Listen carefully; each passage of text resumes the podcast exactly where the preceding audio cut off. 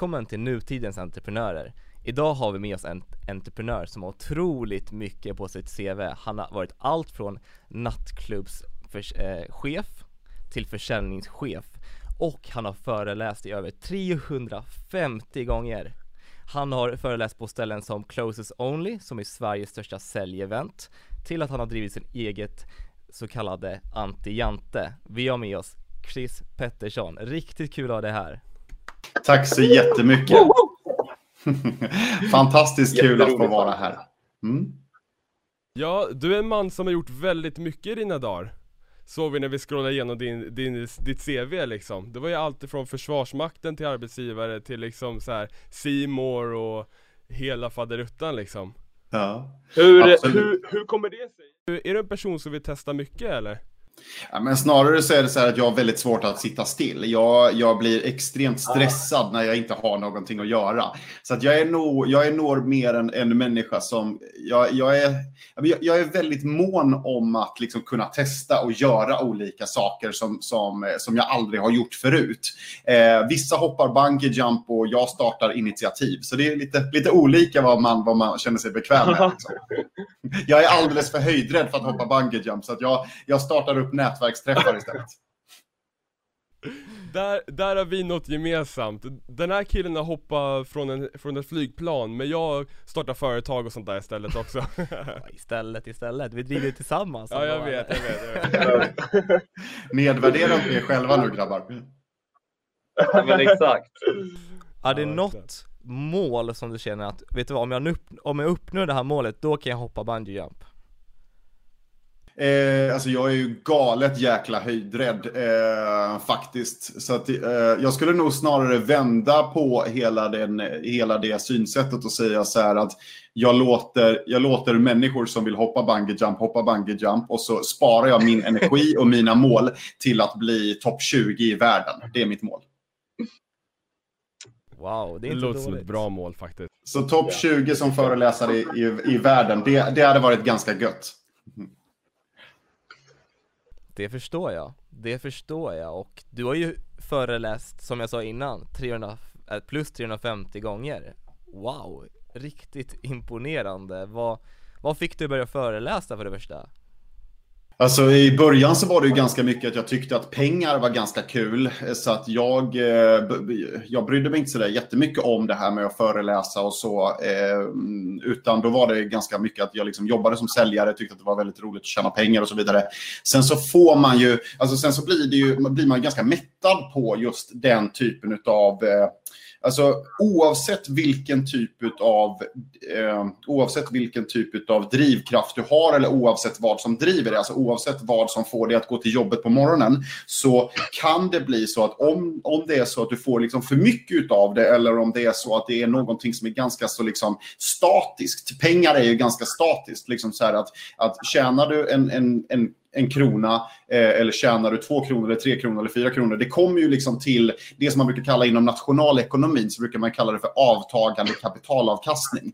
Och avtagande kapitalavkastning är ju egentligen så här att ju mer pengar du tjänar desto mindre blir varje krona värd. Förstår ni min tanke? Alltså det blir, det blir mindre och mindre roligt att tjäna pengar efter varje miljon, liksom, eller efter varje tusenlapp.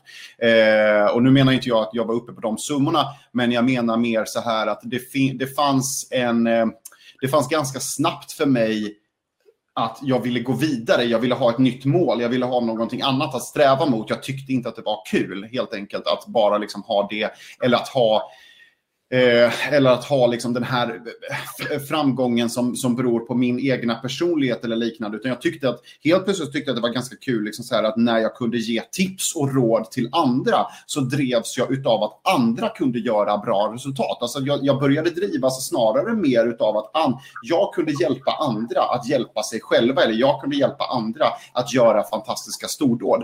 Eh, och till och med just det här också att gå från noll till hundra. Så att få en säljare att gå ifrån att aldrig ha suttit i telefon eller aldrig ha liksom kontaktat en kund på något sätt till att få den säljaren till att bli liksom toppsäljare. Det var liksom för mig the shit när, när jag började föreläsa. Eh, så jag började föreläsa, fick lite utbildningar, COPC-utbildningar och sådär runt så att jag kunde föreläsa runt om i världen. Så att jag är ju liksom jag är certifierad coach och eh, chef, då, alltså teamleader för, för eh, egentligen, ja, så, så, att jag kan jobba över hela världen. Sen så började jag ju även då föreläsa även för min egen skull. Alltså jag började föreläsa för att jag hade saker angående till exempel samhällsproblematik eller till exempel affärsutveckling, hur man kan utveckla företag eh, och liknande. Och även det här med motivation också. Alltså sådana saker som, som kanske inte är kopplat till direkt mitt yrke, men sådana saker som jag ändå tycker är väldigt viktigt just för människors välmående, hållbara relationer och så vidare. Och när jag såg liksom att så här, ja men fasen, jag, jag kan ju göra skillnad liksom. Jag kan ju faktiskt påverka människor. Jag kan ju få människor att inte bara bara få liksom en rolig stund när jag står på scen, utan jag kan dessutom få dem att faktiskt använda de här verktygen och hela tiden liksom få det att sippra ner i organisationen. Då kände jag någonstans så här, jag kan skapa eh, det, som jag, det som jag kallar för ROI-metoden, alltså eh, eh, och då eh, KGR-metoden som är liksom paraplybegreppet. Och det är kunskap, glädje och return of investment.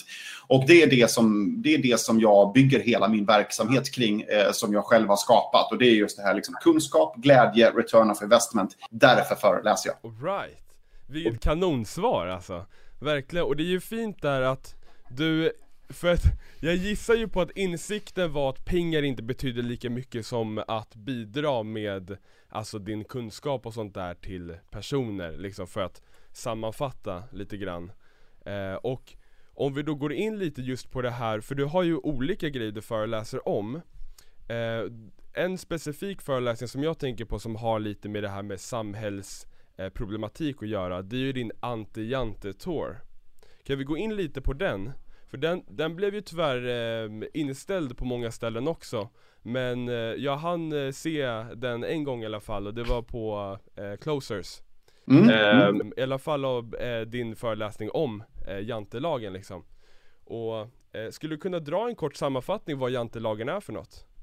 Ja, men absolut. Alltså, så här, och, och eh, för, för, att också vara tydlig med det, den här anti-jante-touren, det är ju också en två timmar lång föreläsning och på, på Closer så körde jag ju en väldigt komprimerad version. Så att jag körde ju liksom en, en halvtimmes version av någonting som egentligen är fyra gånger så långt, alltså två timmar. Eh, men, men med det sagt så är det också så att jantelagen är ju en uppdiktad lag. Alltså man skulle kunna säga att det är ett antal, det är ett paraplybegrepp egentligen för ett antal sociala normer. Eh, det är en, en eh, författare, då, en norsk författare som, heter, som hette Axel Sandemås som myntade begreppet i en bok för, för cirka 80, jag tror det blir 80 år sedan, någonting sånt där. Där han då skrev om en fiktiv stad just då som, som hade just det här jantelagsbeteendet i sig. Och då myntade han tio olika lagar för jantelagen, bland annat du, du ska inte tro att du är bättre än oss, du ska inte eh, tro att du är för mer än oss och så vidare. och Så vidare. Så han uppdiktade liksom ett antal lagar angående detta.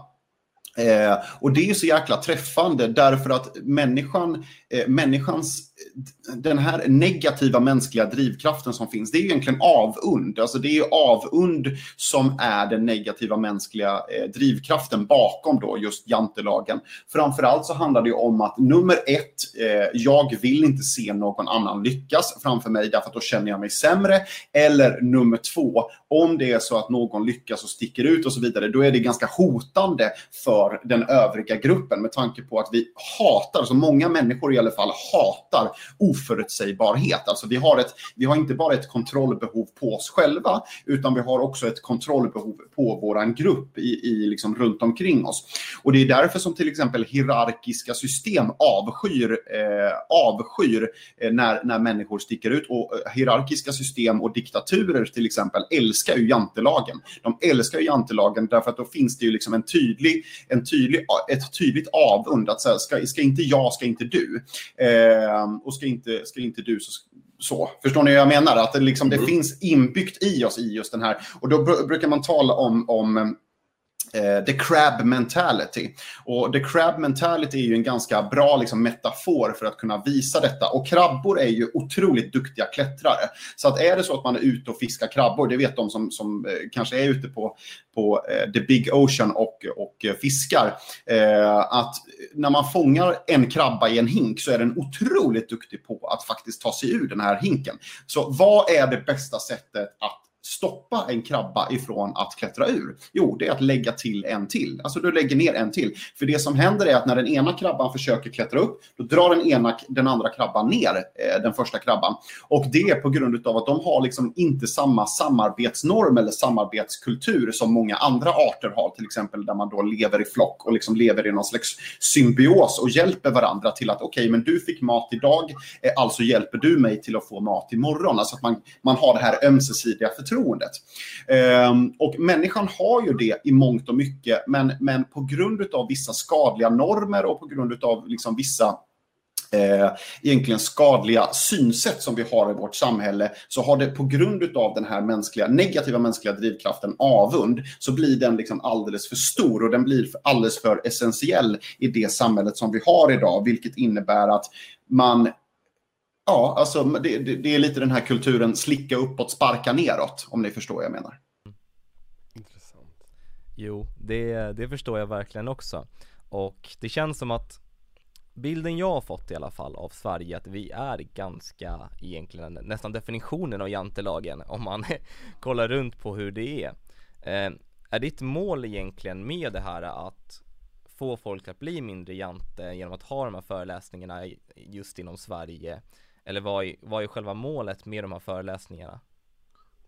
Alltså jag tar ju inte på mig, jag, tar, alltså jag mantlar ju inte, jag tycker ju Sverige är ett fantastiskt land. Jag är otroligt stolt över mitt Sverige. Jag är otroligt stolt över den gemenskapen vi har. Jag är otroligt stolt över liksom, eh, den inkluderingen vi har, att vi tar vårt ansvar i mångt och mycket i världen. Jag är otroligt stolt över alltså det, det vi, det vi väldigt ofta skapar. Så att jag vill inte bara liksom kritisera Sverige och svenska normer och så vidare. Det är inte det det handlar om. Till, alltså, till 80 procent så tycker jag att Sverige är about it alltså svensk kultur är så jävla bra. Liksom. Och, och, och, jag älskar verkligen det vi gör. Så, men med det sagt så har ju även vi brister, så har ju även vi flås, precis som alla andra.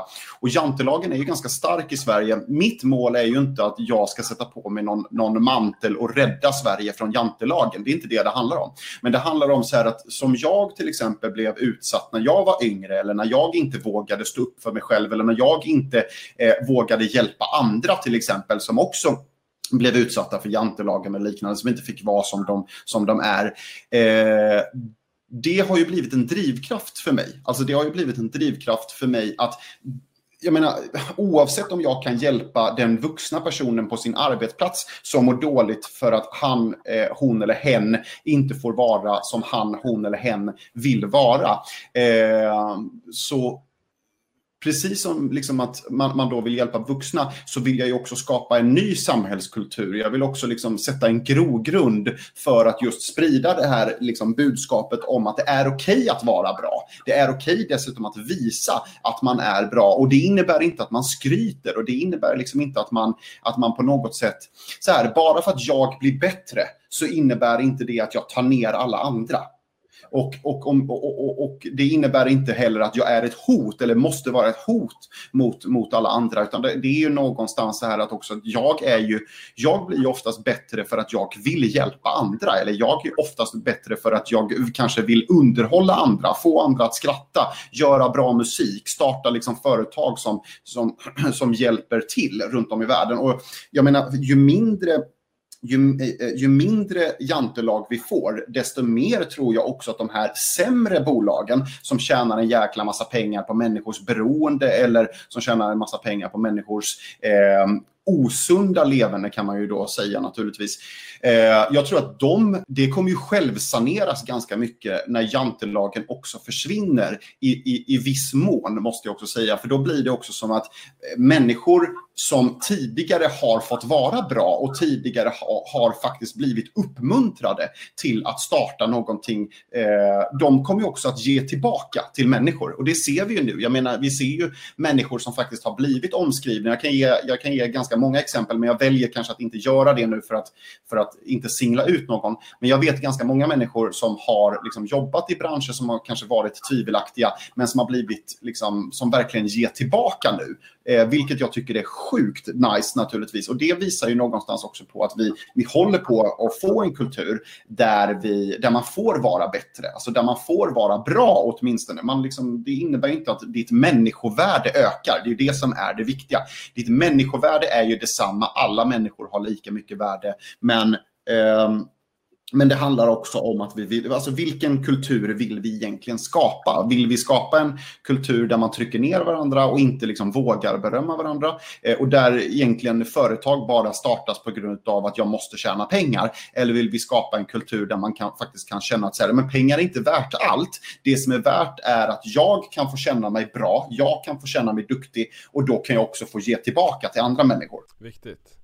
Tror, tror du att jantelagen har en roll i vårt samhälle som påverkar det positivt i helhet? Eller att det bara är en negativ grej som, som eh, sätter hinder för oss för att nå vår fulla potential? Alltså så här är det ju någonstans att eh, jag tycker att, jag tycker att den frågan är skitbra verkligen. Jag tycker att det är en, en jättebra fråga för att man brukar ju prata om det amerikanska skrytet. Alltså det, det är, det är ju liksom inte samma jantelagsmässighet i USA till exempel, det kan vi ju vara överens om. Och kollar man då på det här liksom så kallade amerikanska skrytet så är det ju också så att eh, det finns ju såklart nackdelar med att gå åt andra hållet, precis som det gör med alla ytterligheter. Alltså alla ytterligheter är ju negativa och precis som Buddha sa så är det ju liksom alltid den gyllene medelvägen vi måste sträva efter. Så det handlar inte jag om att liksom, jag vill ha en kultur där alla slår sig för bröstet liksom, hela tiden. Det är inte, och det är inte det som är syftet. Utan det handlar om att den här lilla, lilla pojken som liksom går i skolan eh, och blir liksom mobbad varje dag i skolan. Han ska ha förebilder som också säger åt honom att jo, visst fan är det okej okay att vara precis som du är. Visst är det okej okay att vara bra. Visst är det okej okay att du är också precis lika mycket värdefull som alla andra. Det är det enda syftet. Alltså det är verkligen det enda syftet med det här. Det enda syftet är att få människor att må bättre. Det handlar inte om att vi ska skapa en eh, skrytkultur. Det handlar inte om att vi liksom ska gå åt andra hållet där man då liksom står och slår sig för bröstet och det blir liksom en, en, en skadlig norm av att eh, till, alltså till exempel då en, en liksom framhävande norm att liksom det är jätteviktigt att den som framhäver sig själv mest vinner. Det är inte det som är, är syftet, utan snarare precis tvärtom. Det handlar om ett inkluderande och det handlar om ett accepterande. Jättefint förresten. Eh, jag älskar när det finns sådana föreläsningar också. Jag är själv en riktig föreläsningsgeek. Det finns inget bättre när man går till en föreläsning och man bara tar in allt i hjärtat så man kan sitta och kolla flera, flera timmar. Och jag kan säga att jag lyssnar på 30 minuter, jag vill ha 20 timmar mer så att eh, det, det är ju verkligen grymt på det du gör måste jag säga. Tack så jättemycket. Eh, det är ju Verkligen, det är bara grymt jobbat liksom och det märks att du har föreläst så många gånger också, ja, det är inga konstigheter. Eh, någonting jag tänker på är att du går mycket in på, eh, eller du gick in på dig själv som barn. Eh, angående att du kände att du inte fick vara den du ville vara, du kände det lilla trycket. Var det det som gjorde ditt tankesätt på ditt yngre jag att du skrev just, eller att du började med den här föreläsningen Ante Jante? Eller finns det många mer anledningar bakom det? Alltså så här, jag, jag bearbetade ju min eh, skolgång och min barndom ganska mycket innan. Liksom, så att jag har ju inte, eh, det är ju klart att det fanns i mig såklart. Och det är klart att jag liksom kände att så här, ja, men det här vill jag göra. Så det, var ju, det var ju också en del utav det. Men framför allt så var det faktiskt så här. Det här har jag liksom, det är väldigt sällan som jag pratar om just det här. Eh, men när jag var yngre så jobbade jag också på företag där det var stora grupper av människor. Alltså vi pratar väldigt stora grupper av människor på till exempel callcenter och liknande. Eh, och då märktes det ganska fort vilka det var som vågade vara bra, vilka det var som, som eh, inte vågade vara bra och där det fanns vissa människor som man vet verkligen hade potential. Och det var ju mitt jobb att verkligen försöka öka deras potential, alltså att öka deras eh, kunskap och deras resultat och så vidare.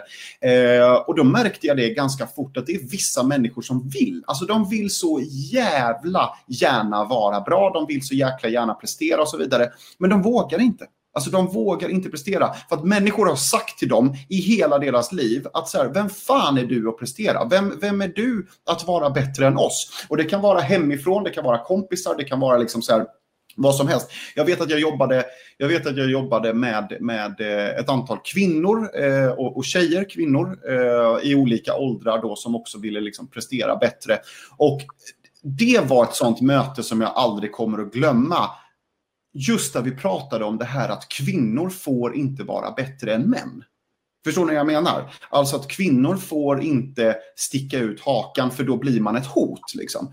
Och det gjorde mig så jävla förbannad. Alltså det gjorde mig verkligen så här, jag kokade för att då blev det precis som det vi, vi snackade om innan det här med att jag hade upplevt vissa saker i min barndom och jag kunde så jäkla mycket känna igen den känslan. Och även om jag hade liksom jobbat med min barndom och jobbat med alla de här sakerna, att jag inte fick vara bra och så vidare och så vidare, så blev det precis som att någon bara, så här, någon bara skrapade upp det där så spåret och helt plötsligt liksom så här, bara, ja, men, men jag, kunde verkligen, jag kunde verkligen relatera. Det gjorde mig sjukt lack. Jag blev, jag blev väldigt, väldigt förbannad på det och väldigt provocerad också och tänkte så här, nej, men kan jag hjälpa en, en, en enda person oavsett kön, läggning, eh, liksom wherever, eh, hudfärg, vad som helst. Om jag kan hjälpa en enda person till att faktiskt våga vara ett bättre jag, för det är det det handlar om. Det handlar inte om att våga vara bättre än andra, utan det handlar om att våga vara ett bättre jag. Oavsett vem det är som tittar på dig eller oavsett hur du bedöms, eh, då har det varit värt det. Liksom. Då har det varit värt alla de tusentals timmar jag har studerat jantelagen. Fantastiskt. Så det började alltså under din tid som försäljningschef om jag förstår rätt? Det, det var då det liksom idén för att börja föreläsa som det som koncept kom fram för att du hade perspektiv från barndomen och kunde sätta dig in i situationen. Ja, men, men så här, jag, men helt rätt alltså. För att det som, det som är grejen är att jag tänkte bara föreläsa om försäljning. För jag visste ju att jag kunde försäljning. Förstår du vad jag menar? Jag, jag visste så här att ja, men jag kan ju försäljning, det här är någonting jag är duktig på. Och jag menar så här, när jag var yngre, jag var aldrig duktig på fotboll. Jag var aldrig du, duktig på liksom, de här sporterna som man skulle vara duktig på. Alltså bollsporter och liknande. Jag var liksom helt kass på alla bollsporter som fanns överhuvudtaget. Eh, jag vet att jag gjorde ett mål en gång i den så kallade Fair Play Cup i innebandy. Jag har aldrig varit så glad i hela mitt liv. Det var verkligen så här, ja, jag lyckades göra ett ett enda mål. Liksom. Eh, skitsamma. Eh, det, det, som var, det som var grejen var verkligen så att jag hade hittat någonting som jag var riktigt bra på. För att så här, mina lärare sa ju alltid det till mig när jag var liten. Så här, att ja, men Chris, du måste satsa mer på de övriga liksom, ämnena. Du kan inte bara satsa på de muntliga redovisningarna. Allting går inte att göra muntligt. Du kan, jag minns det fortfarande, du kan inte sätta mat på bordet med hjälp av muntliga redovisningar. Och kolla var du är nu. Exakt. Well, eh, och det som, det, som är, det som är grejen just att det växte ju med mig. Så att när jag då kände att men fasen, jag kan ju föreläsa om, om, om försäljning hela tiden. Det är ju det som är grejen. Jag kan, ju för, jag kan ju åka runt och föreläsa om försäljning, för det finns ju hur många bolag för det som helst.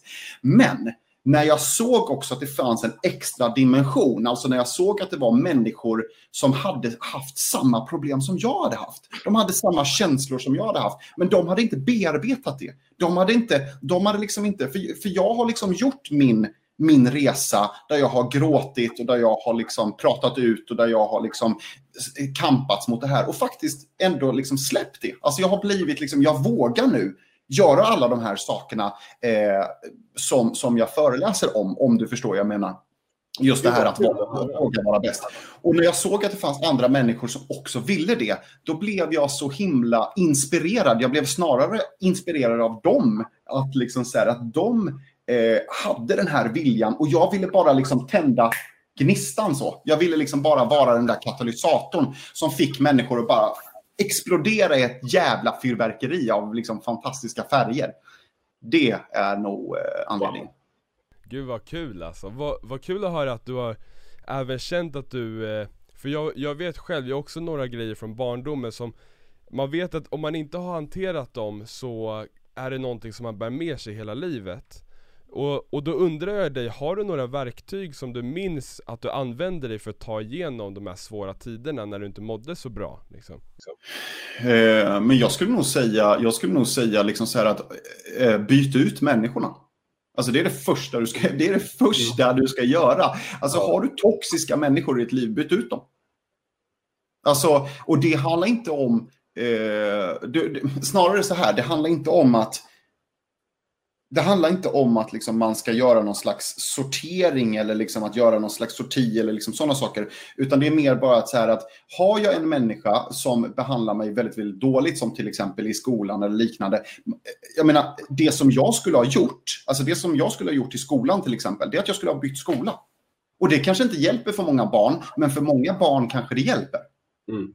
Förstår ni hur jag menar? Ja. Alltså, och sen, sen handlar det inte om så här att det, det, där är en skitsvår fråga. Så jag, ska inte ens, jag, jag, jag kan inte liksom skolväsendet i sig, så jag ska inte ens försöka mig på det. Men jag menar bara att så här, och, och sen kanske det är liksom mobbaren som ska byta skola. Vem är det som säger att det är liksom den mobbade som ska, som ska byta? Men jag menar också så här att det viktiga är att eh, och likadant när man, när man liksom är vuxen, när man är på en arbetsplats. Våga sig ifrån. Det är, no, det är nog nästan mer det jag försöker säga. Våga sig ifrån och våga liksom prata om det. Och sen finns det, sen finns det vissa gånger där människor inte tar det på allvar. Jag, kolla bara innan metoo till exempel. Jag menar så här, hur många, hur många liksom, eh, eh hur många saker var det inte som lyftes upp men som tystades ner? Förstår ni vad jag menar? Hur många saker var det liksom inte som, som eh, där, där vissa människor, eh, eh, där, där, där, vissa människor liksom sa så här att ja men eh, så här, det är inte så farligt. Förstår ni vad jag menar? Alltså att man förminskade den typen av eh, problematik. Och jag tror att det är, jag tror att det är så jäkla viktigt att vi som samhälle och vi som liksom medmänniskor också är lyhörda inför sådana situationer. För även om det är så att den här personen inte lyssnar, så gå till någon annan som förhoppningsvis kan lyssna, lyssna och så kan ni göra det här tillsammans. Det finns liksom alltid stöd i medmänniskor. Eh, och jag är jättegärna en sån medmänniska som absolut är liksom ett bistående stöd till någon som behöver hjälp. Grymt. Så du skulle säga att en stor del av vad som har hjälpt dig utöver att byta ut människorna och sånt där, det är att hitta någon att prata med? Eh, ja, eh, det skulle jag säga. Precis. Eh, och sen skulle jag också säga så här att var inte så jäkla tuff mot dig själv. För väldigt ofta så sitter man liksom och övertänker och säger så här. Det kan vara något fel på mig. Det kanske är jag som borde sluta liksom vara så extrovert. Eller det är jag som kanske liksom borde byta läggning för att människor inte, upp, alltså människor inte tycker att det är okej okay och så vidare och så vidare. Och då säger jag bara så här, fuck det. det var snäll snäll mot dig själv. För är du snäll mot dig själv i de här situationerna och liksom tänker ändå så att jag är den jag är, jag kommer inte ändra på det. Jag kommer inte ändra på det. Eh, då tror jag att man också har en mycket större sannolikhet att faktiskt också liksom våga eh, ta tag i hela situationen. För då lägger man liksom inte skulden på sig själv. Då skuldsätter man inte sig själv. Och det är det som också är jäkligt viktigt. För att ibland så händer det att man gör det ändå. Ibland så händer det att man skuldsätter sig för olika saker ändå. För att man tror att det är mitt fel eller det berodde på mig eller så. Men då tror jag också att så här, där kommer nog det komplementet in att prata med någon annan som man litar på. Att liksom så här, du måste också låta andra människor berätta för dig och lita på det när de säger det. Att så här, men det är inte dig det är fel på. Det är liksom så här, du, du sitter uppenbarligen i en situation där människor försöker bestämma över dig eh, som inte ska bestämma över dig. Som inte har ett jäkla skit med vem du är att göra. Liksom. Så himla rätt. Nej men jag kan också relatera att eh, alla har sina bra dagar, alla har sina dåliga oavsett egentligen hur långt man har kommit i sin personliga utveckling. Eh, men att ha någon som har ens rygg när man väl behöver det, det är ju så himla viktigt. Eh, att, att, bara ha en liten knuff i ryggen, att de säger att bara, nej men det är ju inte så, då, för att komma tillbaka i tankesätten. Mm. Jag tror att det är så viktigt och jag har inte kopplat det liksom att eh, allt det här är med Jante Jante, eller det, det har med jantelagen att göra, men när du säger det, det har verkligen med det. Och det är sjukt viktigt att det finns föreläsningar som tar upp det också Det har jag verkligen, nej men det, det håller jag verkligen med om Men om jag ställer en motfråga tillbaka, ni har precis startat ett företag eh, För inte så länge sedan va? Stämmer, ett år har vi drivit det och om vi säger så här då, har det hänt någon gång att ni liksom har skickat ut en, ni har skickat ut en förfrågan till ett företag och så har det känts som att de inte vill att ni ska lyckas? Alltså så lite som att så här, de har känt en konkurrenskänsla? Självklart. Mm. om det är så att de känner den här konkurrenskänslan för att de bedriver samma verksamhet, det kan vi ju förstå. Alltså det kan man ju förstå. Om det är så till exempel att en, en konkurrerande byrå till er eh, alltså tänker så här att ja men vad fasen, här kommer ett nytt potentiellt hot. hur tar man det då? Det, det, är den första punkten. Hur tar man det då? Tar ni det som att, vi, att ni tänker liksom så här, fasen vad åh, vad jobbigt liksom att folk inte gillar oss? Eller tar ni det som att så här, shit, vi gör verkligen någonting bra. De känner oss, de, de känner det som ett hot. Förstår ni vad jag menar? Ja, alltså, vad, hur tar ni det som? Hur tar ni det som att ni tycker att det är jobbigt och gräver ner er och bara så här, fan, vi vill ju bli omtyckta av alla. Eh, vilket är jävligt omöjligt. Men, eh, ta, eller tar ni det som att så här, vi gör någonting som uppenbarligen andra tycker är riktigt, riktigt nice. Liksom, så att de till och med ser oss som en konkurrent. Shit vad kul! Det du säger, ja du, jag skulle säga att nu när man, nu har vi drivit ett år. Eh, I början, då var det lite jobbigt kan man säga att när man eh, fick mot, man fick så känslan bara åh nej, ont i hjärtat, man bara okej okay, det här, nu fick jag ett nej. Eller nu var de riktigt förbannade. Det, det kändes ju. Men man har ju lärt sig att det handlar om statistik, når du ut till 5000 personer, då kommer kanske 100 personer vara riktigt förbannade när man hör ut, men det betyder bara att man syns. De kommer ju känna igen oss och jag, jag ser det som att om jag ringer ett samtal, för vi, vi, jag gjorde mycket telefonförsäljning förut och de blir skitförbannade för att jag ringer, då säger jag ja men då prövar jag om två veckor igen och sen då kanske de är jätteglada för en ny pitch liksom. För att av någon anledning så blir de ju förbannade. Är det för att, okej, okay, är det för att de inte gillar telefonförsäljare, sa jag det på ett dåligt sätt? Eller är det för att de känner sig hotade? det finns ju tre anledningar, så det är egentligen bara, och tänk, jag brukar alltid tänka, vad var det jag sa? Gjorde jag något fel för det första för att de skulle bli irriterade? Eller är det bara att de kanske ser oss som ett hot? För det, kan, det är ju någon av de grejerna. Jag skulle säga att för mig blir det mer intressant, ja, det handlar mer om egentligen, försöker, jag försöker egentligen kolla på vad jag gjorde för fel, gjorde jag något fel ens? Nej okej, okay, de kanske ser det som ett hot utveckla det därifrån. Mm, mm. Och då, då, är min andra fråga, har ni dessutom fått personer som eh, inte eh, Liksom, så, och då pratar jag om personer som kanske mer känner er, som är i er närhet eller som är personer som ni har känt, alltså till exempel från skolåren eller från liksom någonting annat, som där det också känns att de inte vill att ni ska lyckas eller där det känns att de personerna pratar skit. Har det definitivt varit. Man har ju alltid eh, folk i sin omgivning, familj och sånt där som drivs av eh, trygghet och liksom vill att man ska ta den traditionella vägen med högskola, sen ta en anställning på ett jobb och så vidare och jobba inför passion och ta semester två gånger om, om året liksom, eller en gång om året. Eh, självklart finns ju det och det är någonting som man, vi har kontinuerligt på varsitt håll eh, jobbat med att bevisa att det här är någonting som vi vill på riktigt då, eftersom att vi är två och vi är väldigt unga och så vidare. Eh, så att självklart har det varit eh, motstånd på det fronten Men det har mer kommit från ett perspektiv Exempelvis som från ens mamma Som så vill att du ska vara trygg hela livet och allting sånt där. Man förstår ju var det kommer ifrån, verkligen. Men det är någonting som man har varit tvungen att bevisa. Så att jag skulle säga att just nu är det liknande som det andra att Nu tror folk mer på oss för nu har vi bevisat för dem att vi kan och att vi vill. Men verkligen, i början så definitivt där har du, där har du de två. Där har du de två sakerna. Eh, eh, den här typen av det som man brukar kalla för downtalk, alltså när du downtalkar någon, när du säger så här, du borde inte satsa på den här idén, du borde göra någonting annat, du borde bla bla bla bla bla. Det är två olika saker. Det ena är omtanke, alltså, och det är en missriktad omtanke. Det är till exempel att din mamma säger till dig så här, ja men du, borde ta den traditionella vägen, varför ska du göra det här, ba ba ba ba ba ba ba ba. Och jag menar, det är inte hennes idé. Det är inte hennes idé, det är inte hon som bestämmer. Eh, och, och, det är liksom så här att du är ju, du är ju redan liksom i... Du har ju redan målet satt framför dig. Nu, det enda du behöver göra är att gå. Liksom.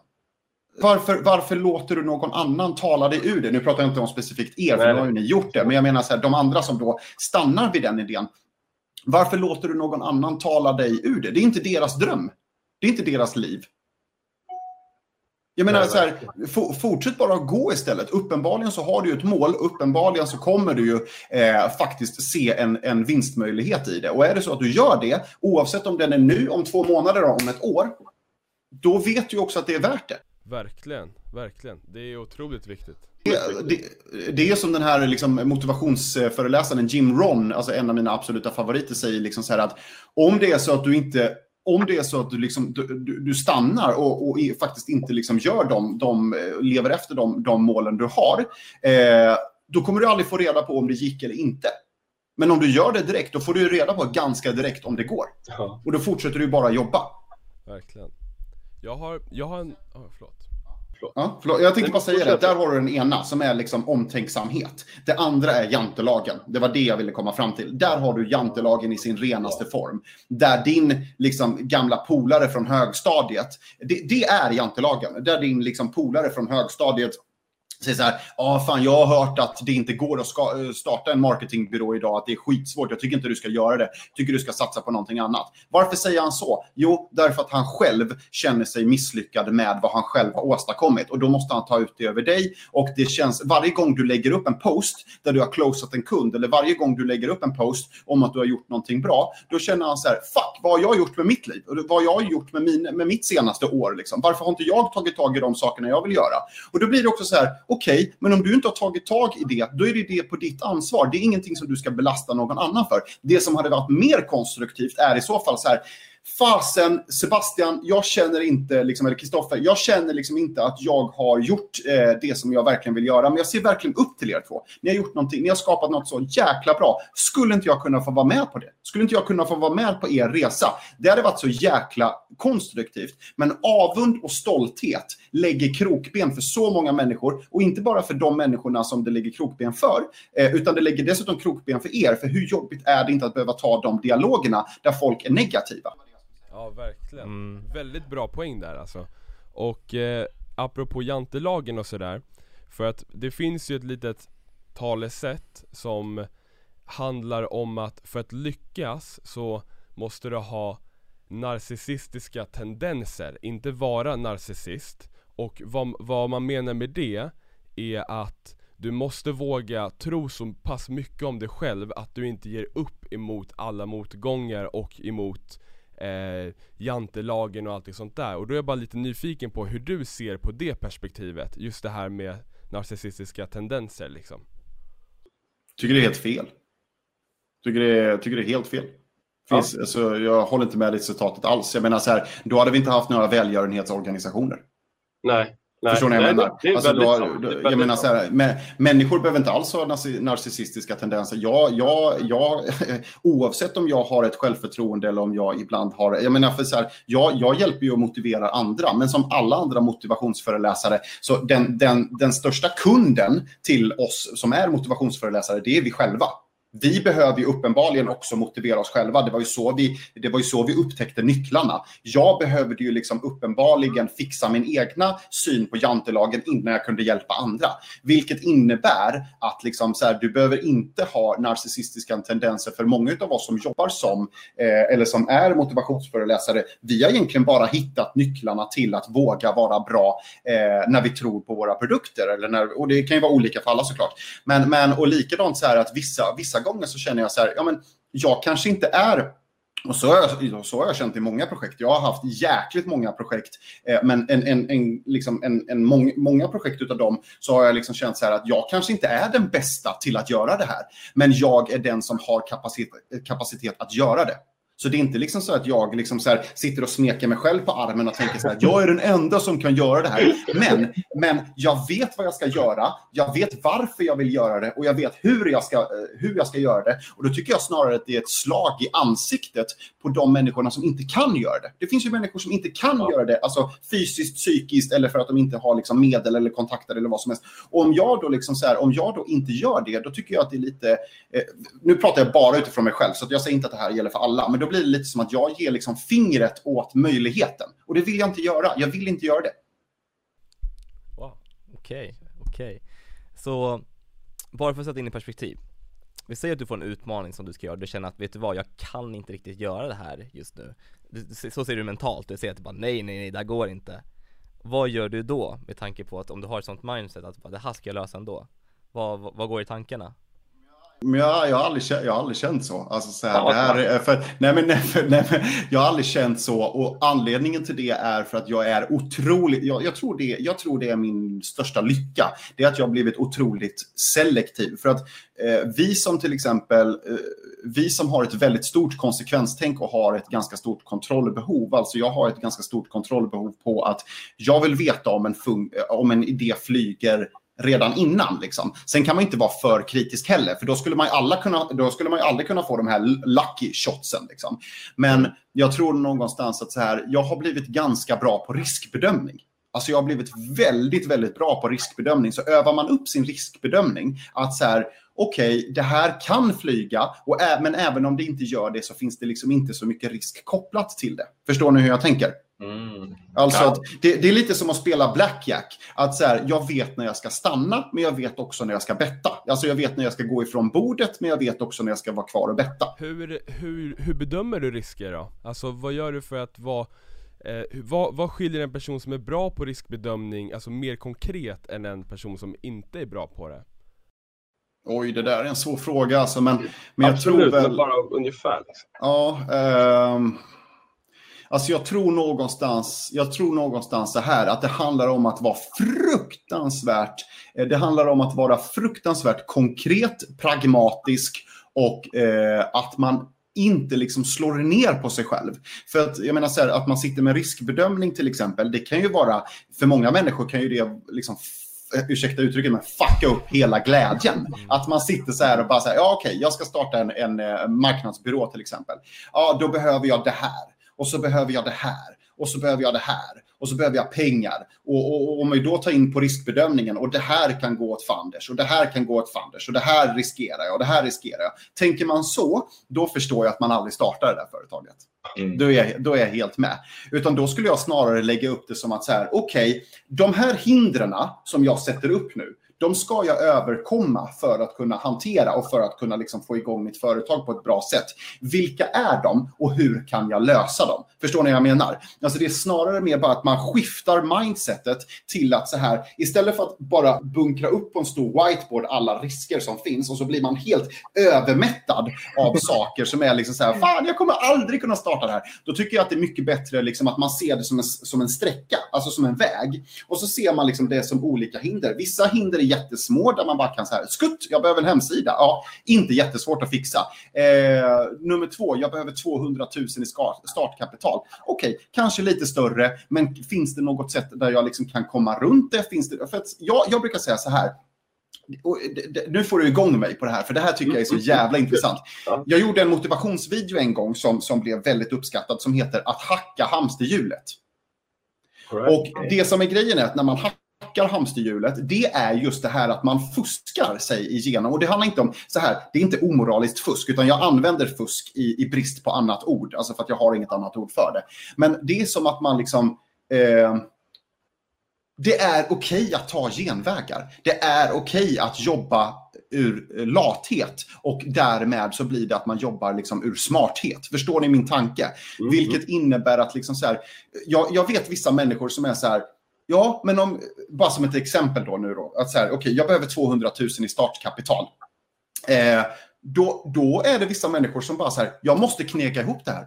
För att jag ska kunna starta min marketingbyrå eller liksom vilket företag som helst så måste jag ha 200 000 i startkapital. Alltså måste jag eh, vara på ett jobb som jag inte trivs med i två år eller fem år eller tio år för att jag ska kunna spara ihop de här 200 000. Jag kan inte ta ett lån eller liknande till, till exempel utan måste göra detta. Eh, och så finns det vissa människor som kanske då ser att så här, ja, men okej, jag måste, jag måste liksom ta ett lån och så tar de ett lån som de sen får betala av på, vilket gör att det kanske blir jobbigt och så vidare. Eh, jag menar bara på att hitta nya vägar. Till exempel att säga, vad skulle hända om du med din kompetens lyckas knyta ett företag som alltid kommer få free marketing, för att du är ju bevisligen duktig på det du gör. De kommer alltid att få free, free marketing, men i, i gengäld så kommer de liksom att gå in som partner till dig, helt enkelt. Så att de går in med de här 200 000 i startkapital och att ni liksom gör en barterdeal. Och för många människor, när man berättar det här för dem, det kan låta jävligt simpelt nu när vi, när vi pratar så här, men det finns ju också betydligt mycket mer avancerade saker man kan göra där man kan liksom hacka sitt hamsterhjul. Men jag menar mer bara att här, när man berättar de här viss, i vissa gånger enkla saker för människor, hur de kan tänka i nya banor, då blir vissa människor så här, va? Kan man göra så? Så kan man väl inte göra? Du vet så här, men vad fan, varför skulle du inte kunna göra det? Det är ju inte, det är inte omoraliskt, det är inte olagligt. Det är bara liksom ett nytt sätt att tänka. Liksom. Eh, det, är nog, det är nog den största tillgången jag har av min egna hjärna faktiskt. Det är just det här att jag ser väldigt ofta lösningar som eh, jag antingen har liksom tagit från andra branscher. Att jag har sett liksom så här, men vad fasen om man kan göra det i den branschen, då kan jag lika gärna göra det i den här branschen. Det är bara att flytta över ju. Varför skulle jag inte kunna göra det? Vem är det som stoppar mig? Ja, jag håller med till 100% I slutändan så är det verkligen sitt mindset, sitt sätt att tänka på, tänka kreativt. Många tänker, du, många som snackar, eh, eh det är många sådana som man pratar med som säger att ja ah, men om man är entreprenör eller företagare Då måste du jobba 12 timmar varje dag och jobba så här länge. Eh, min största lärdom är att jobba kreativt och det är exakt det du pratar om också. Att vara kreativ och tänka mer och det du säger nu är egentligen bokstavligen anledningen varför vi startar den här podcasten, för den heter ju också Nutidens entreprenörer. Och det är ju att vara entreprenör, det är ett mindset egentligen och det är liksom bokstavligen som du beskriver, det är att komma på de här kreativa sätten och komma på hur kan man lösa problemen. Så det är sjukt intressant att höra faktiskt. Ja, det är otroligt. Det är otroligt. Och jag, jag, måste bara säga det, jag tycker det är så sjukt bra namn, Nutidens entreprenörer. Och vet ni varför? För jag satt och funderade på det här innan varför det är sånt bra namn. Därför att om man nu kollar på till exempel sättet som, som jag sköter. Jag menar, förr i tiden så var man en entreprenör därför att man ska, startade till exempel en skofabrik. Alltså jag var en, jag var en sko, vi säger på 1800-talet eller början av 1900-talet. Då var jag liksom en, en person som startade en skofabrik. Vi gjorde skor. Det var det enda vi gjorde. Jag och min familj i två generationer jobbade på den skofabriken, utvecklade den, försökte att sälja så många skor som möjligt. Eh, och that's it. Förstår ni vad jag menar? Vi hade bara liksom olika modeller av skor. Sen så någon gång när liksom IT-boomen kom, eh, det, massa andra saker har hänt naturligtvis, men just IT-boomen gjorde ju att människor kunde känna eh, människor kunde liksom tjäna massor av pengar på det som vi brukar kalla idag för projekt. Alltså att man jobbar i projektbaserade former, vilket gör att entreprenörer också kan börja arbeta i projekt. Helt enkelt att man kan gå in till exempel och göra då eh, som en marketingbyrå. Man kan alltså gå in och göra ett uppdrag åt Klarna. Man kan ta det konceptet och göra det till, på ett annat företag också. Att det, det finns någonting som kallas för best practice. Det som sen händer och det som jag är en del av, det är just den här där man är helt Eh, oberoende för vad man gör. Alltså att jag har, jag har ju egentligen, alltså en marketingbyrå gör ju bara marketing. Det är vi överens om. Liksom, då, då sysslar man med olika former av marketing till olika former av företag. Kategorisera mig. Vad skulle ni säga, vilket område är jag inom? Oj, det är brett. Du gör väldigt, väldigt mycket. Men din, din, din främsta grej är att du är en föreläsare skulle jag säga. Och eh, för att definiera det så du är en talare Um, du gör väldigt mycket, du har ju dina projekt som Chris bjuder in, Hela Sverige samlas, allting sånt där ska vi diskutera mer. Men när jag scrollar igenom dig, alltså det, det enda sättet jag kan definiera dig, det är att säga entreprenör liksom. Och det är just för att det är så många projekt och så många grejer som kommer på, och det ploppar upp nya idéer här och där liksom så här. Och det är väldigt intressant och det är liksom därför vi känner också att det gifter sig väldigt bra med konceptet för den här podcasten liksom. Ja. Mm. Ja. Exakt, för, för det, är det, som, det är det som är grejen. Att nutidens entreprenörer, det vi pratar om idag och det är därför jag tycker att det är så jäkla bra namn på podden också. Det är just det här att eh, det är ingen som skulle bli förvånad om jag skulle starta liksom ett välgörenhetsinitiativ imorgon för barn i, liksom andra, i tredje världen eller liksom andra länder. Eh, för att jag är inte knuten till någonting. Jag är inte knuten till att jag måste göra någonting. Jag, är inte knuten, jag kan föreläsa om det, men det kan man göra inom alla branscher. Men jag är inte knuten till en bransch. Förstår ni vad jag menar? Och det är ja, det som ja. är nutidens entreprenör. Att jag har min kunskap. Vill du använda den kunskapen eller vill du göra någonting tillsammans med mig? Be my guest. Det är askul att få göra olika saker med olika människor inom olika branscher. Det är nutidens entreprenörskap. Sen säger inte jag, sen säger inte jag, sen säger inte jag att en liksom marketingbyrå är omodernt bara för att man har en nischad bransch. Utan det är ju bara för att ert intresse ligger ju där. Är ni med? Alltså det är ju bara att ert intresse ligger i marketing, så det innebär inte att ni är liksom föråldrade för det. Men jag menar bara att så här att vi som har då ett väldigt brett spektra, jag till exempel och många med mig. Eh, vi kommer ju också att kunna då till exempel samarbeta med massor av olika byråer inom massor av olika områden. För att det är så vi fungerar. Liksom. Verkligen. Fantastiskt. Ja, nej det är riktigt sant det du säger. Och vi har ju vi har ju en ambition om att nutidens entreprenörer, det kommer ju successivt med tiden bli mer än en podcast. Det kommer bli eh, föreläsningar, vi kommer ha en YouTube-serie med det också och så vidare liksom. Det är ju för framtiden, det är ju en podcast i nuläget. Men det är ju också för att vi vill ju vara, vi har ju ett intresse av att vara delaktiga i det här breda spektrumet precis som, som du beskriver där liksom.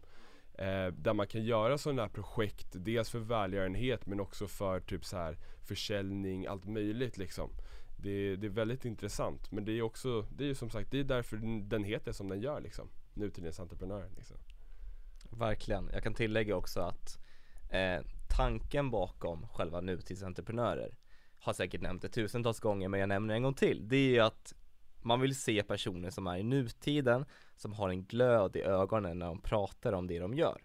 Och det kan vara egentligen allt möjligt, för det som är så intressant är att det är så kul att prata med olika entreprenörer och man ser det på deras sätt att prata på, deras sätt att tänka på, tänka kreativt. Man ser inte problem, man ser lösningar, man hoppar förbi det där.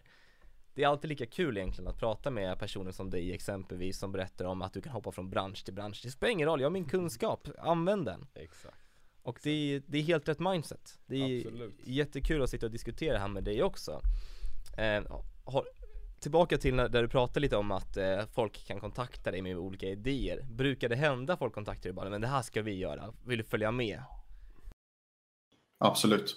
Alltså, ja, jag tror jag får en eh, ja, fem förfrågningar i veckan kanske. Det är inte dåligt. Nej det är klockrent. Nej. Ja, det är. Varav, varav, varav fyra är seriösa. Det är alltid någon som jag känner så här att nej, men det här har du inte tänkt igenom riktigt. eh, nej, men det, och och det, det tycker jag är synd. För att vissa människor, liksom så här, vissa människor slänger bara ur sig någonting. Eh, och ja, det har man väl själv gjort någon gång, så att jag ska inte säga att det liksom inte är för inte. Men det, det är synd när man gör det, helt enkelt. Alltså när man slänger ur sig någonting som man känner så här, det här är inte riktigt färdigt. Eh, jobba på det här i två veckor till och kom tillbaka. Liksom. Ja, jag förstår det. Apropå branscher och sådär, så, så finns det ju man har ju förut kategoriserat det lite grann som du var inne på tidigare med specialister, då är det ju en person som bara gör en sak, eller en generalist. En person som gör mycket av allting. Och man har ju börjat diskutera nu för tiden, för man, det har alltid varit en debatt om vilken av dem som är mest, alltså som är bäst, liksom effektiv. Ska jag liksom vara en specialist inom bara ett område, nörda in mig där, eller ska jag kunna allt möjligt och liksom vara väldigt flexibel och sådär. Och eh, jag såg en föreläsning, det var en TED-talk faktiskt, och då gick han in på att det bästa just nu, enligt honom, var att vara en generell specialist. Alltså att du har exempelvis, som du var inne på tidigare när du sa att man har flera branscher som man har jobbat inom. Och då kan man implementera vissa saker som man har lärt sig. Exempelvis, jag kan gissa på att det måste finnas någonting du har lärt dig eh, som nattklubbschef som du använder i någonting helt annat. Eller försäljningschef som du använder i något helt annat. Eller vad, vad, vad säger du själv liksom? Alltså det du, det du pratar om nu är ju... Eh, jag har ju varit till exempel inom Försvarsmakten.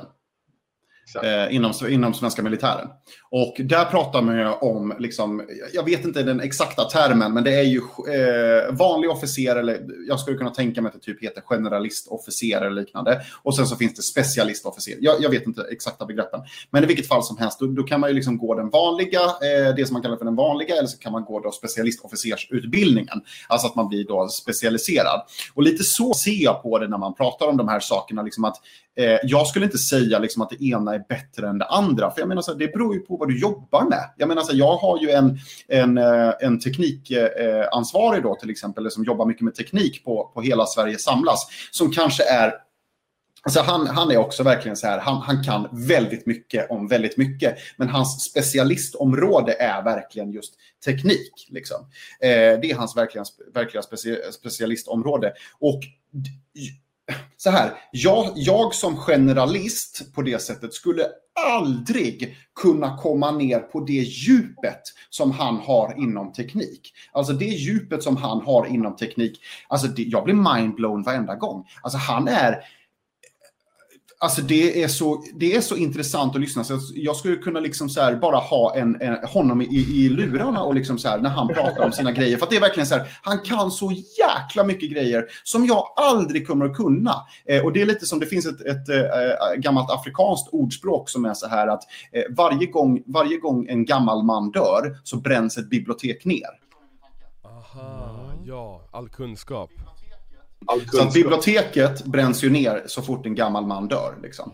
Eh, och det är, det för mig symboliserar just det här med specialistpersoner. Liksom, personer, att de personerna som verkligen brinner för ett specifikt ämne, det är ju, det är ju verkligen så jäkla häftigt. Så jag, jag vill inte liksom eh, kasta någon skit på, på eh, specialister. Vad var din Nej, fråga? nej, jag glömde helt. du, Det var jättebra svar, för det var bara din syn på det uttalandet liksom Och det var, det var ett klockrent svar, verkligen Verkligen, jag håller med, jag håller med Du nämnde en sak i det också, hela, hela Sverige samlas eh, Vad är det för någonting? Alltså, hela Sverige samlas är det absolut största som, som jag har gjort. Eh, det är ju, alltså vi, vi, satt ju, vi satt ju innan coronakrisen här. Eh, jag blev avbokad från 95% av alla mina gig, eh, vilket var skittråkigt. Jag var jätteledsen verkligen så här och tänkte liksom att vad fasen ska jag göra nu liksom. Ehm, och det liksom kom avbok på avbok på avbok och man var så här, ja alltså det, till, till slut så var man så här, ja fan jag stänger av mobilen liksom och så får väl folk bara mejla och sen så gick det två veckor. Ja, men ni vet så här, när man verkligen känner sig liksom jävligt ledsen. Liksom. Sen så teamade jag ihop mig och snackade lite så här, för att jag har alltid varit en sån här person att antingen så kör man huvudet i väggen eller så gör man någonting konstruktivt. Självklart så visste jag ju efter de här två veckorna att jag måste göra någonting konstruktivt. Så då börjar man harva igång igen och kolla liksom på vad andra gör. Alla började göra webbinarium. Och då tänkte jag så här, nej, varför ska jag göra som alla andra? Då kommer det ju att per automatik bli så att jag drunknar i mängden. Och det vägrar, för det kommer jag aldrig göra. Liksom. Så att jag började kolla så här, okej, okay, om de gör webbinarium, hur kan jag utveckla det och ta nästa steg? Så då skapade jag ju Chris bjuder in. Eh, och sen när jag hade gjort Chris bjuder in ett tag och det liksom blev uppenbarligen väldigt, väldigt bra för att jag blev omskriven i tidningar och, och lite sådana här saker. Då, så så upptäckte vi det liksom att så här, det finns ju massa områden som inte är digitala idag. Det finns ju massor av områden där vi vet att människor ser det inte på digitalt sätt. Det finns ingen digital lösning för det och så vidare. Och det finns massa koncept som inte överhuvudtaget är digitala. Så att vi kollar på men hur, hur skulle det kunna vara och så vidare. Och då började folk dra igång. Det fanns eh, vissa av våra då, vissa av eh, andra företag har dragit igång till exempel summits då, som är digitala eller eh, det, det, kan också vara liksom, digitala meetups, det kan vara digitala frukostmöten, eh, digitala talks och så vidare och så vidare och så vidare. Och så tänkte vi så här, vad skulle vi kunna göra och sen så bara alltså, växte idén fram eh, tillsammans med mig och två stycken då, eh, mina liksom, kollegor i det här. Och vi tillsammans då grundade Sveriges största, förhoppningsvis, men framförallt första eh, digitala kickoff. Så att vi har skapat Sveriges liksom, i särklass största eh, digitala kickoff som nu kommer då vara i september. Det är en hel vecka, alltså det är fem dagar, måndag, tisdag, onsdag, torsdag, fredag med 35 utav Sveriges största föreläsare. Alltså vi har, eh, vi har sjukt stora föreläsare som då föreläser, bland annat liksom Anna Kinberg Batra, Henrik Fexeus, liksom Kai Pollak, Johanna Hector, you name it, hur mycket som helst. Olika kategorier varje dag och de här företagen då som tittar på det här eh, kan helt enkelt gå in varje dag och faktiskt då bestämma att ja men okej, på måndagen ska vi ha kick-off för att det är då den dagen som passar oss. Så vi har kategorier för varje dag. Um, och det, är liksom, det här har ju fått sånt jäkla stort genomslag så att vi vet ju inte knappt vad vi ska... Liksom, nu, nu vi, vi bara liksom bombar ju in resurser i det här eh, för att göra det ännu, ännu, ännu bättre hela tiden. Vi har precis utvecklat, eller precis lanserat liksom här nu en eh, sociala medieplattform som kommer vara att så här, i det här eventet kommer ha en, en egen sociala medieplattform. Precis som typ eh, LinkedIn eller Instagram eller vad som helst. Fattar ni hur jäkla coolt det är att vi har skapat en digital värld som är bara för business to business, bara för föreläsare och som dessutom kommer bjuda in hela Sverige. Eh, ja, alltså sjukt stort är det. Alltså, wow. Ja, ja wow, vad ska man säga? Ja, alltså det är, det är nästan värd en applåd tycker jag, liksom, eller hur? Vi, vi, gör en sån här, vi gör en sån här. Nej men det... Ja exakt, exakt. Jättekul att höra. Alltså jag kan säga att det märks att du har varit försäljningschef för jag är helt jäkla såld i det. eh, ja, Nej men jag älskar den idén och fråga rakt ut, hur får man tag i biljetter? Eh, hela Sverigesamlas.se. Det är bara att glida in där och så kan man registrera sig och sen så köper man helt enkelt en biljett. Och just nu så har vi ju early bird. Så att just nu så ligger biljetten på 980 kronor bara och den ligger egentligen på 1480 egentligen. Okay. Så att, eh, ja, så att det är liksom... Och då är det eh, in... alla fem, fem dagar eller? Ja, ja, alltså det är ett all access pass. Eh, det är ett, ett, premium, ett premium pass. Så att du, du får då liksom alla fem dagar, alla föreläsare. Du får också komikerna och du får en DJ som vi har sista dagen. Vi avslöjar inte vem det är än. Oh, coolt. Alltså det är ju Jag vet inte om min matte stämmer nu men det är liksom 35 föreläsare sa du Det är inte ens 25 kronor per föreläsare, lycka till att få det live men Nej men det är sjukt bra idé Sjukt. Tack för att du säger det. Det är väldigt bra, det är sjukt bra Fantastiskt faktiskt värde alltså, verkligen. Men Sen kan vi också säga, jag måste också säga det, precis som det du är inne på, jag tycker det är skitbra att du gör det. För jag menar, så här, räknar man ut det så blir det ju inte många kronor liksom, för, för 35 föreläsare, om man säger så. Försök att boka, precis som du säger, försök att boka det live. Eh, det, det, det, går ju inte liksom. Eh, dessutom så är det också så här, hur ofta får du, får du chatta med dina föreläsare samtidigt? Alltså, eller köra liksom live Q&A Hur ofta får du liksom knyta kontakter medans du sitter i liksom, kickoffen? Hur många, hur många gånger får du göra det med företag från hela Sverige? Skapa värde för dig själv, skapa värde för ditt företag, eh, ni får synas och så vidare. och så vidare. Plus att det också dessutom är så här att, jag menar, hur, vad kostar en kick-off idag? Vad, vad, vad, vad, lägger ett företag, eh, tio personer säger vi, Oj, på en kick-off idag? Fråga du, alltså. bra fråga, men det är betydligt, betydligt mer än uh, den summan. Om vi säger så här, du ska åka iväg. Alltså du ska åka iväg någonstans. Så transport för hela företaget. Nummer två, du ska ha mat för hela företaget. Okay. Alltså oavsett om det är 10 eller 150 pers. Nummer tre, du ska troligtvis ha lite kanske alkohol, lite liksom sådana saker. Det är också en, en, en ansenlig summa pengar, även beroende på hur mycket man dricker såklart. Nummer fyra, boende.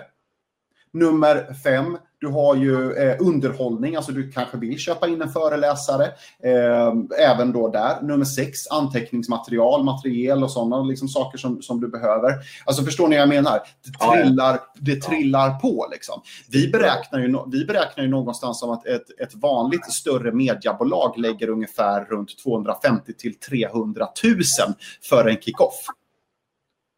Och hos oss, så kostar det, hos oss så kostar det 980 kronor per person just nu plus mat. That's it. Det är that's it. Betalar ni? Det, det är ju värde, det är värde, nej men det är helt rätt alltså, helt Ja, rätt verkligen. Älskar idén, inga konstigheter Det är ju Någonting som jag är otroligt nyfiken på, det är den här sociala medien du nämnde.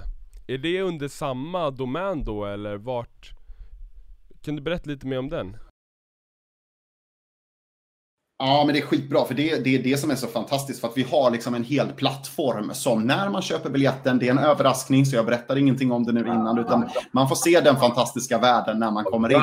Eh, men vi har, en, vi har en hel plattform som är anpassad för just vårt event, och där kommer man att liksom kunna eh, individuellt då helt enkelt skapa sina egna profiler, man kommer att kunna chatta, skapa kontakt med andra företag, eh, man kommer även att kunna titta på alla livesändningar, man kommer att kunna fronta liksom, säger sig själv och sitt företag och så vidare och så vidare och så vidare. Det kommer också finnas liksom en så här, eh, eh, Instagram-funktion där man kommer kunna liksom, eh, fot, fota sig själv och liksom det man håller på med, få likes, eh, kommentarer, gillningar och så vidare. Så det är liksom så här, vi kommer ha, vi kommer ha en sociala medieplattform där eh, vi inbjuder alla som är med i det här eventet. Och sen ska, sen ska jag säga en sak till också. För att vi, vi, det är ju en sak till som jag har eh, glömt att säga och det är egentligen det som vi är mest stolta över. Och det är just det här att inte nog med att du liksom får ditt egna värde när du registrerar dig, utan för varje, alltså lyssna nu, varje registrering som vi får så skänker vi en biljett. Alltså får vi en registrering så skänker vi en hel biljett till eh, en arbetssökande i Sverige.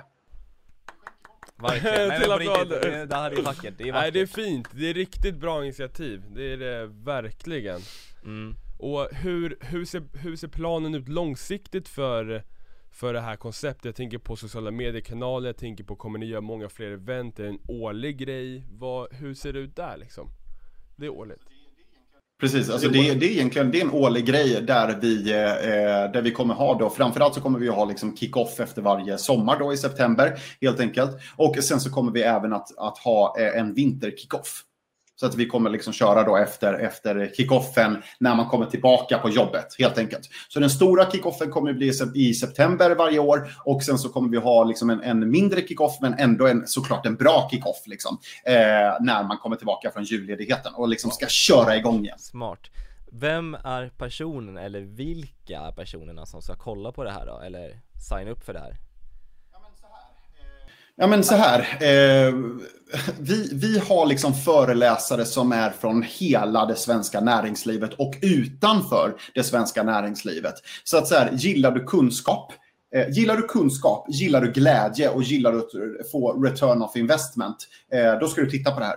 Alltså sen, sen har vi såklart specifika målgrupper, självklart att liksom så här, vi, vi, eh, vi vet också att de som är försäljningsbolag, till exempel de som sysslar med liksom försäljning, kommer ju att liksom vara på en specifik dag eller liknande. Men, men jag menar överlag, alltså, alla människor. Det är därför det heter Hela Sverige samlas. För att jag menar så här, gillar du att få glädje, gillar du att få kunskap. Jag menar så här, jag, jag som privatperson går och tittar på en föreläsning om Henrik Fexeus eller av Henrik Fexeus till exempel. Eller jag som privatperson eh, eh, kan ju gå liksom och titta på Johanna Hector eller liknande om, om till exempel yoga eller vad fasen som helst. Och det är det som är det schyssta med det här, att vi har ju 35 föreläsare som inte är bara liksom knutna till näringslivet, utan vi har ju inom liksom alla olika områden. Så att Go nuts! Kom dit! Men det är, som ett, det är som en gott och blandad påse Man får egentligen allt där och bara ja. men plocka lite var som helst och så får man se det Och eh, något jag älskar med det konceptet också, det finns ju många mis... Alltså, enligt mig så finns det ju, vissa ser exempelvis sälj, vi tar ju bara det som ett exempel nu som föreläsning Då ser de bara, men det är bara säljare, det är bara VD som ska se det eh, vad jag älskar med sälj exempelvis, det är ju att du kan använda sälj i vardagen. Du sälj, alltså enligt mig så säljer man sig in sig till sin, sina, sin flickväns familj. Du säljer in dig på Coop när du går in där och pratar med anställda. Det är, allt är ju sälj egentligen, likadant när du går på arbetsintervju. Bara för att ge ett exempel, allt går ju att implementera. Så att eh, jag gillar ändå tankesättet att samla allt på samma ställe och bara go nuts. Det var ett bra uttryck. I like it, I like it. Ja verkligen, mm. verkligen. Mm. Men om vi, jag blev lite nyfiken också för du nämnde ju Chris bjuder in Lite där i, i förbifarten, så för vi kan dra en liten parallell till det för att Jag följde ju det i början när du lanserade det och sen när du hade några gäster och så vidare eh, Är det någonting som du planerar att köra nu framöver också eller kommer du lägga det lite på is nu när det kommer allt annat? Hur ser det ut? Eh, nu har vi ju sommaruppehåll nu har vi mm. ju sommaruppehåll, så precis som i, i vissa andra poddar så kör vi ju liksom säsong helt enkelt. Så att tanken är ju liksom att jag ska köra det på våren och på hösten helt enkelt. Så att egentligen direkt efter hela Sverige samlas eh, så kommer vi att köra igång Chris bjuder in säsong två. Helt enkelt. All right, okay. eh, och då kommer, vi ha, då kommer vi ha mycket bra nya gäster eh, och liksom, ja, det, det, kommer, det kommer bli en riktigt, riktigt bra säsong. Det är redan, det är liksom redan planerat och inte klart, men det är åtminstone planerat. Kan du ge oss någon teaser kanske? Eh, det kommer en teaser i början på augusti så kommer ah, det en teaser. Ja men då får vi hålla utkik då, då får vi hålla utkik. Ja exakt. För Såklart, det är bra det, behåll spänningen Men för, för de som inte vet Kan du berätta lite grann om vad Chris bjuder in och vad, hur skiljer, för du, du nämnde att du gjorde det för att skilja dig från klassiska webbinarium och sånt där Så, så vad är den stora skillnaden? Varför ska man titta på Chris bjuder in istället för ett vanligt webbinarium? För ett vanligt webbinarium? Ja, alltså egentligen så här, det är, en, det är en sjukt bra fråga, men om du kollar på till exempel vanliga webbinar eh, så är det ju väldigt ofta så att då, då är det ju, nu pratar jag generellt så att, ja. så att jag inte får kritik för det här, men, men eh, väldigt ofta så är det så att en person eller flera personer kanske i samma då har tagit in då eh, har tagit in gäster eller tar in eller bara pratar själva och så vidare och så pratar man om ett, om ett ämne.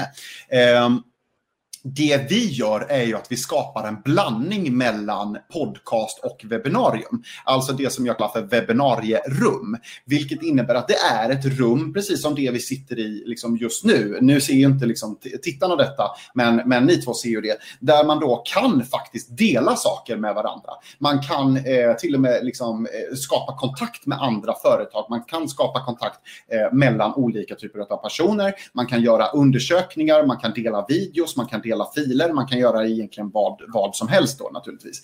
Det som också är själva saken är att man kan direkt live chatta med den här gästen som jag har. Så att när jag bjuder in till exempel David JP Phillips som är liksom 17 på kommunikation i världen, då kan man faktiskt chatta med honom samtidigt och liksom ställa sina frågor. Och det är ju väldigt sällan man kan göra det i till exempel en podcast eller liknande. Och eh, det gör ju också någonstans att det finns en Eh, Eh, det gör ju också någonstans att det liksom finns det här eh, eh, utbytet av information blir så jäkla mycket större och så jäkla mycket mer träffande. Och dessutom så är det ju liksom en, en, en, riktig produktion på det. Att eh, även om våra gäster sitter ute i landet och så vidare så är det ju snyggt. Det finns en bra produktion. Eh, man kan se det i efterhand som ett liksom riktigt program också. Eh, det, är bra, det är bra bild, det är bra ljud. för det mesta så, så, så, bra vi kan liksom tillhandahålla det. men det jag vet inte, det, det, det, känns bara som att det är liksom ett steg längre. Så skulle jag vilja säga. Jag har noterat också att det är ofta ungefär tre fyra personer som är inbjudna också samtidigt. Så att det blir som en diskussion. Eh, och, och det är ju en stor del som, som skiljer också från ett klassiskt webbinarium eller liknande. Att man kan få flera perspektiv samtidigt. Ja, men sen, precis som du säger, sen är det också så här, jag menar när man sitter på ett webbinarium på Zoom till exempel. Alltså jag vill inte dissa Zoom för att jag tycker det är en helt underbar plattform. Jag är, liksom, jag är jättetacksam för att Zoom finns överhuvudtaget. Men jag menar så här, det är jäkligt jobbigt att sitta på, på Zoom i någon slags liksom, galleri om ni förstår vad jag menar, och liksom titta mm. på webbinar. Här är det verkligen så här att du ser inte de andra liksom, gästerna, eller du ser inte, eller du ser inte de andra eh, tittarna, utan du ser liksom, om det är fyra personer så ser du en, två, tre, fyra liksom, personer personer. Och det är ju naturligtvis lite mer fördelaktigt Verkligen. kan jag tycka. Nej men det förstår jag också. Eh, jag gillar också att du har otroligt många intressanta gäster. Vill du nämna några gäster som du har? Du nämnde en ju, David JP Phillips. Ja, precis. David JP Phillips pratar ju om kommunikation tillsammans med mig. Eh, vi, vi har ju Lisa Thorén till exempel som har liksom startat igång Urban Skatehouse eh, Push eh, in i gallerian. De har alltså byggt en skatepark in i gallerian. Så jäkla coolt. Eh, jag har även ordförande Peter Törn som är ordförande i Småföretagarnas riksförbund som pratar om hur småföretagarna kan tänka här nu under krisen och vad man ska göra och vad man inte ska göra och så vidare. Vi hade även miljardären Erik Bergman som grundade Catena Media till exempel, som, som även köpte den här, eh, eh, nu ska vi se, eh, oh, vad är det han köpte för domän, en URL? Great.com köpte han eh, för en rekordsumma, alltså verkligen rekordsumma för att köpa en domän. Minns du summan? Eh, vad kan det ha varit? Jag tror att det var någonstans på runt 900 000 dollar. Cirka liksom nästan en miljon dollar. Vilket är ganska mycket för en URL. Det är ganska saftigt. Ja, ja. Det är ganska, det är ganska, jag, jag, jag, ska, jag ska eh, check my facts, men jag tror att det var, ja. jag tror att det var 900 000 Bara för att ungefär. få folk som inte vet domänerna, vad de brukar ligga på när man köper en ny, så kan det vara allt mellan 80 till 150 kronor. Så att eh, lägga till några nollor efter det, det, det blir lite skillnad. Det blir skillnad. Ja, det skulle man, det skulle man lugnt kunna säga. Men jag, å andra sidan så är det också så att Erik är ju en person som är, eh, han är ju en altruist på det sättet att han liksom ger tillbaka väldigt mycket. Så att han, jag, tror, jag, jag tror att han, eh, han är en sån person som verkligen ger tillbaka eh, mer än vad han tar eller mer än vad han får. Vilket jag tycker är, är sjukt nice naturligtvis. Och det, det finns ju något tankesätt, eh, egentligen inte jätterelevant det här ämnet, men att jag ser det lite som att ger man inte eh, när man har lite pengar Då kommer man inte ge när man har jättemycket heller Och det är därför man, om man köper en domän för vad det var nu igen, den där summan Då vet man att den här killen, alltså om man, om man ger då ger han rätt mycket ändå kan jag gissa på Absolut, och det, och det är ju det som är grejen. Jag menar, han blir ju omskriven hela tiden i tidningarna som någon som faktiskt ger tillbaka. Mm. Eh, och det tycker jag är liksom, eh, alltså, han måste ju inte göra det. Nej. Det är ju ingen som måste göra det. Eh, men det är ju sjukt nice att han gör det. Liksom. Jag förväntar mig inte att, jag förväntar ju liksom inte att Bill Gates skulle, ska, skulle skapa, eh, vad är det de heter, Melinda and Gates, nej Melinda and Bill Foundation heter den va? Mm, eh, Melinda, Melinda and Bill Foundation, ja, jag, det förväntar man sig inte att de måste skapa det. Liksom. Eller jag gör inte det i alla fall. Jag förväntar mig inte att de måste skapa det. Nej. De kan leva med sina rikedomar. Men de gjorde det och det är asnice såklart. Och då får, man ju bara liksom, då får man ju bara gratulera, för de har ingen skyldighet att göra det. Nej. Det håller jag med om också. Det är ju det som är så fint egentligen också. Man, jag tror att det finns många som förväntar sig också det. Att eh, folk som har de här rekordsummorna bara skickar ut hälften av pengarna bara ra. Det är ju... Det är... Varför, varför, varför då? Exakt, varför måste de göra det? De har ju de har jobbat fram till det. Jag menar, sen är det också så här att, sen är det också så att om, om man ska kritisera, alltså om man ska kritisera någon för, för deras pengar, då är det snarare att man ska kritisera så här, okej, okay, men vad har de gjort för att få sina pengar? Alltså möjligtvis, liksom att man ska göra det. Men, men då är det också så här att, alltså, jag vet inte, jag, jag, jag tycker att liksom så här, det finns, det finns något gott i ja, 90 procent av alla människor, eller 99 procent av alla människor, så finns det verkligen någonting gott. Liksom. Så att eh, jag tycker, jag tycker liksom så att jag, jag blir bara glad när det händer bra saker liksom, med människor. Ja, verkligen. Det... Jag, se, jag, har en, jag har en helt orelaterad fråga till dig faktiskt. Eh, det är att du var medgrundare och delägare i något som kallas för eh, Wow Women Wednesday. Mm, vad, kan du gå in lite på vad det var för någonting? Jag tillsammans med en, en, eh, en tjej då som heter Emma eh, startade eh, Wow Women Wednesday och det var ju tanken att det liksom skulle vara då en, en stor nätverksträff för, för kvinnor helt enkelt. Alltså yngre kvinnor som faktiskt vill ta nästa steg i, i sin karriär eller som liksom vill starta företag eller bara bli entreprenörer och så vidare. Och sen vet vi också att det är så att många kvinnor idag faktiskt blir... Eh, det, det, så här, det, det, kan vara svårare för vissa kvinnor att klara av vissa typer av företagsklimat. Eh, vissa kvinnor eh, blir dessutom liksom, får, får inte lika hög lön. Eh, och det här skapar ju liksom otroligt mycket orättvisor faktiskt. Alltså att man har inte samma eh, möjligheter eh, trots att man eh, både har samma kompetens och liksom allting i övrigt är samma men man får inte samma möjligheter. Och det vill jag förhindra på något sätt och det, det vill ju Emma då naturligtvis också. Då satt vi och pratade om det att vi kanske skulle starta just då någonting som eh, som kunde hjälpa kvinnor helt enkelt till att, till att faktiskt få en, en bättre liksom, vardag, eh, till att kunna liksom, stötta varandra framför allt, att få både stöttning liksom, i, i, eh, med, med, personer som är i samma liksom, situation som en själv, men också att få liksom, då, äldre kvinnor som har varit igenom hela den här resan eh, och som faktiskt då kan hjälpa yngre kvinnor. Eller då, det behöver inte vara liksom, äldre och yngre, för att, men ni förstår vad jag menar. Om vi säger så här, vi byter ut äldre mot mer erfarna inom till exempel näringslivet och liknande. Så att mer erfarna kvinnor skulle då kunna hjälpa mindre erfarna kvinnor eh, att faktiskt inte gå på de här nitarna eh, och att dessutom också plocka bort nitarna. För att jag menar, de ska, de ska ju inte behöva finnas där från början. Liksom. Man, man, ska ju inte behöva eh, liksom kryssa mellan massa minor bara för att man har ett specifikt kön. Utan då är det bara att ta bort minorna, eh, tycker jag då. Eh, och, och, skapa liksom lika förutsättningar för alla. Eh, det, det verkar ju ändå som det, det bästa alternativet. Så det, det, det var egentligen ett initiativ för att skapa jävligt bra möjligheter för kvinnor. Låter som ett asbra initiativ. Och eh, man kan väl dra en parallell tillbaka till det vi diska, diskuterade förut när du sa att eh, det här med jantelagen och eh, hur det påverkar kvinnor specifikt i jämförelse med männen också.